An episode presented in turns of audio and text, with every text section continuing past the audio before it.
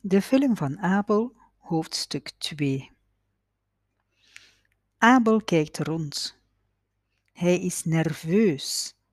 Hij moet wel tien ogen hebben. Er komen zoveel mensen door die deur hier in Zaventem. Ja, daar zijn ze.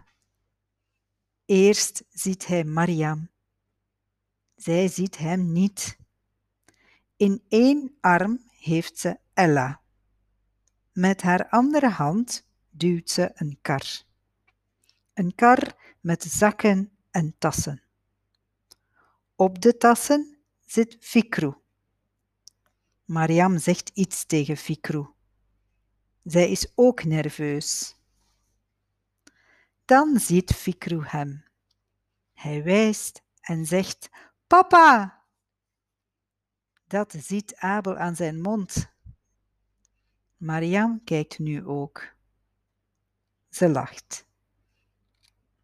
Ella is een beetje bang van hem. Ze steekt haar gezicht in de hals van Mariam. Hij neemt de roze muts. Kijk, Ella, voor jou, zegt hij. Ella kijkt. Ze kijkt niet naar haar papa, ze kijkt naar de muts. Ze lacht.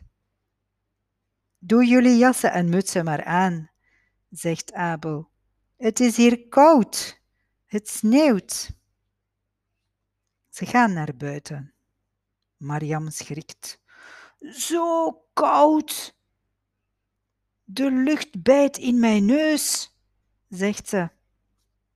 Fikru voelt aan de sneeuw.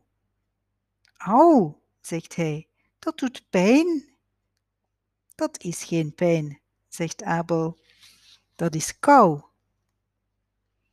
Ella kruipt dichter tegen haar mama. Daar is het lekker warm.